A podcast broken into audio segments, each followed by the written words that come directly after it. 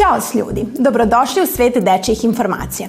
Kažu da uvek treba biti u toku sa najvažnijim vijestima, zato predlažem da se udobno smestite i ostanete uz nas. Počinje Dečiji dnevnik. Ja sam Zorana Nikoletić, a ovo su Vesti dana. Upoznaćete čoveka koji je završio 15 fakulteta. Predstavljamo vam našeg talentovanog drugara Miloša. Nudimo vam i odlične preporuke za čitanje.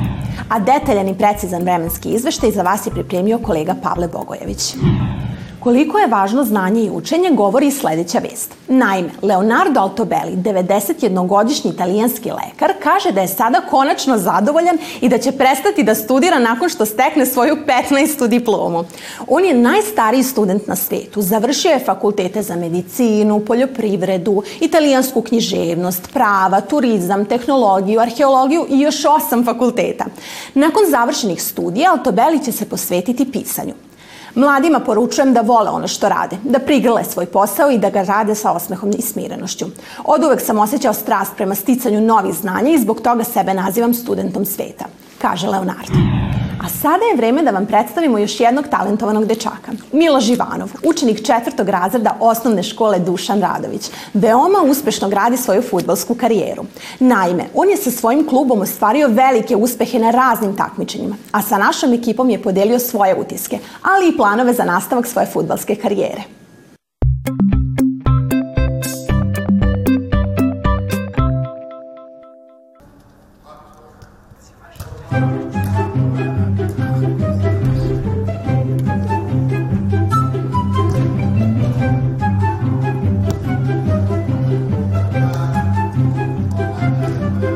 Odlučila sam da treniram futbal zato što je moj brat trenirao futbal i izgledalo mi to je zanimljivo pa sam se zbog toga želeo. Uh mhm. -huh. e, koliko dugo već treniraš? E, sedam godina. A reci mi koja ti je najdraža medalja i zašto? Najdraža medalja mi je e, kada smo osvojili hat-trick ligu sa proleterom zato što mi je to bila prva medalja.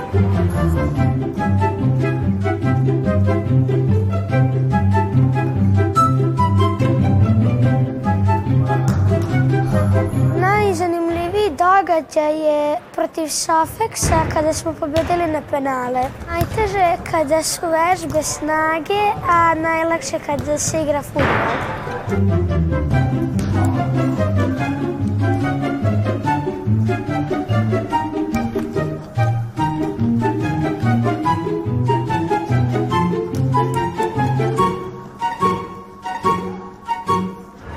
obaveze dalje su isto da se družim, da treniram, da napredujem i sada mi je počela zimska liga.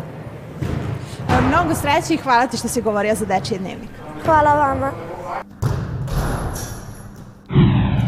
Kao što znate, danas je četvrtak i vreme je za najnovije predloge za čitanje. Mislim da ne treba da vas podsjećam koliko je važno da čitamo i koliko ono utiče na naš psihofizički razvoj. Kolega Vuk Zečević je zajedno sa svojom sagovornicom pronašao odlične predloge za čitanje. Zato je sada vreme da slikom odemo do gradske biblioteke i saznamo o kojim knjigama je reč.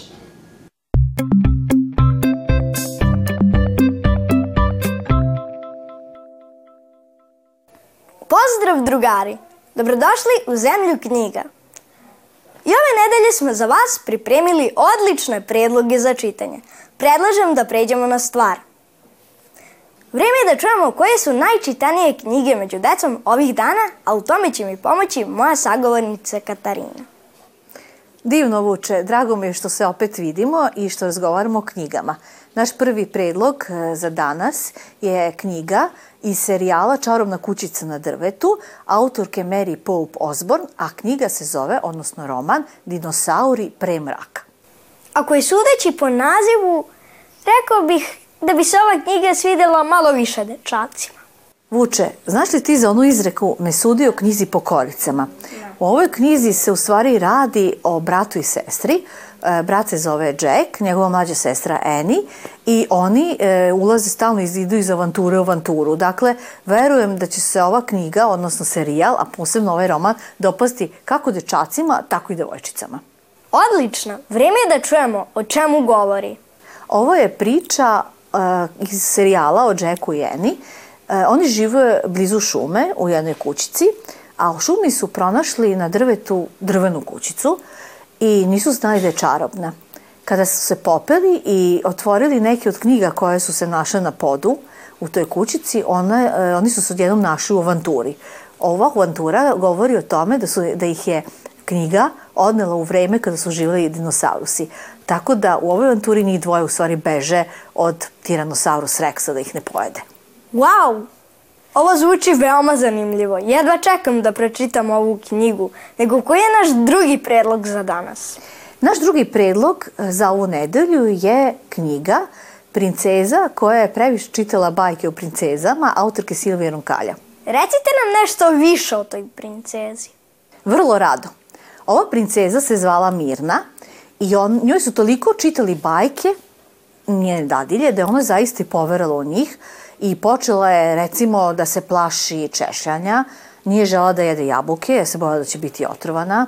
E, zatim svako veče proveravala da li se ispod dušeka krije grašak, da se slučajno ne bi nažuljala i tako dalje. A ono što je još strašnije, verovala je da ako bude poljubila dovoljno žaba, bez obzira kakve one bile, one lepe ili one krastače, da će tako ljubeći sto žaba naći svog princa.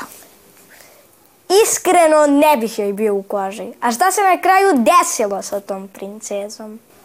Ništa strašno, osim što se nije češela i što je pravila probleme oko spavanja i tako dalje oko jela, ona je na kraju ipak našla svog princa. Znači, pouka za sve one koji budu čitali bajke je da imaju na umu da su likovi i događaji izmišljeni. Da ne bi prošli kao ova princeza. Hvala vam mnogo. Drugari, Toliko od nas za ovaj put. Vidimo se sledeće nedelje sa novim predlozima za čitanje. Ćao! A sada je vreme za meteorološke podatke. Svima nam je mnogo važno da znamo kako će vreme biti kako bismo se obukli u skladu sa temperaturama. Vrlo često vreme ume da bude nepredvidivo, ali naš kolega Pavle Bogojević nekako uvek dođe do preciznih informacija. Iskreno, ne znam kako mu to polazi za rukom. Zato predlažem da obratite pažnju na podatke do kojih je stigao.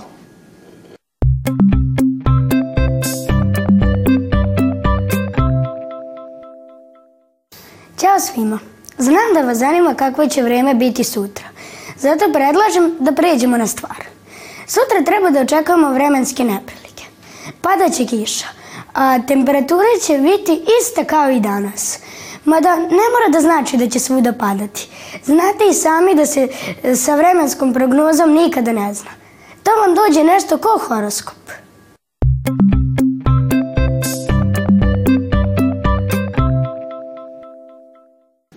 Eto, četvrtak gotov. Ukoliko ste nešto propustili, ništa ne brinite. Sve emisije Dečijeg dnevnika dostupne su i na našem zvaničnom YouTube kanalu, u repriznom terminu i na portalu odloženog gledanja. Hvala vam na pažnji. Do sutra uveče. Doviđenja.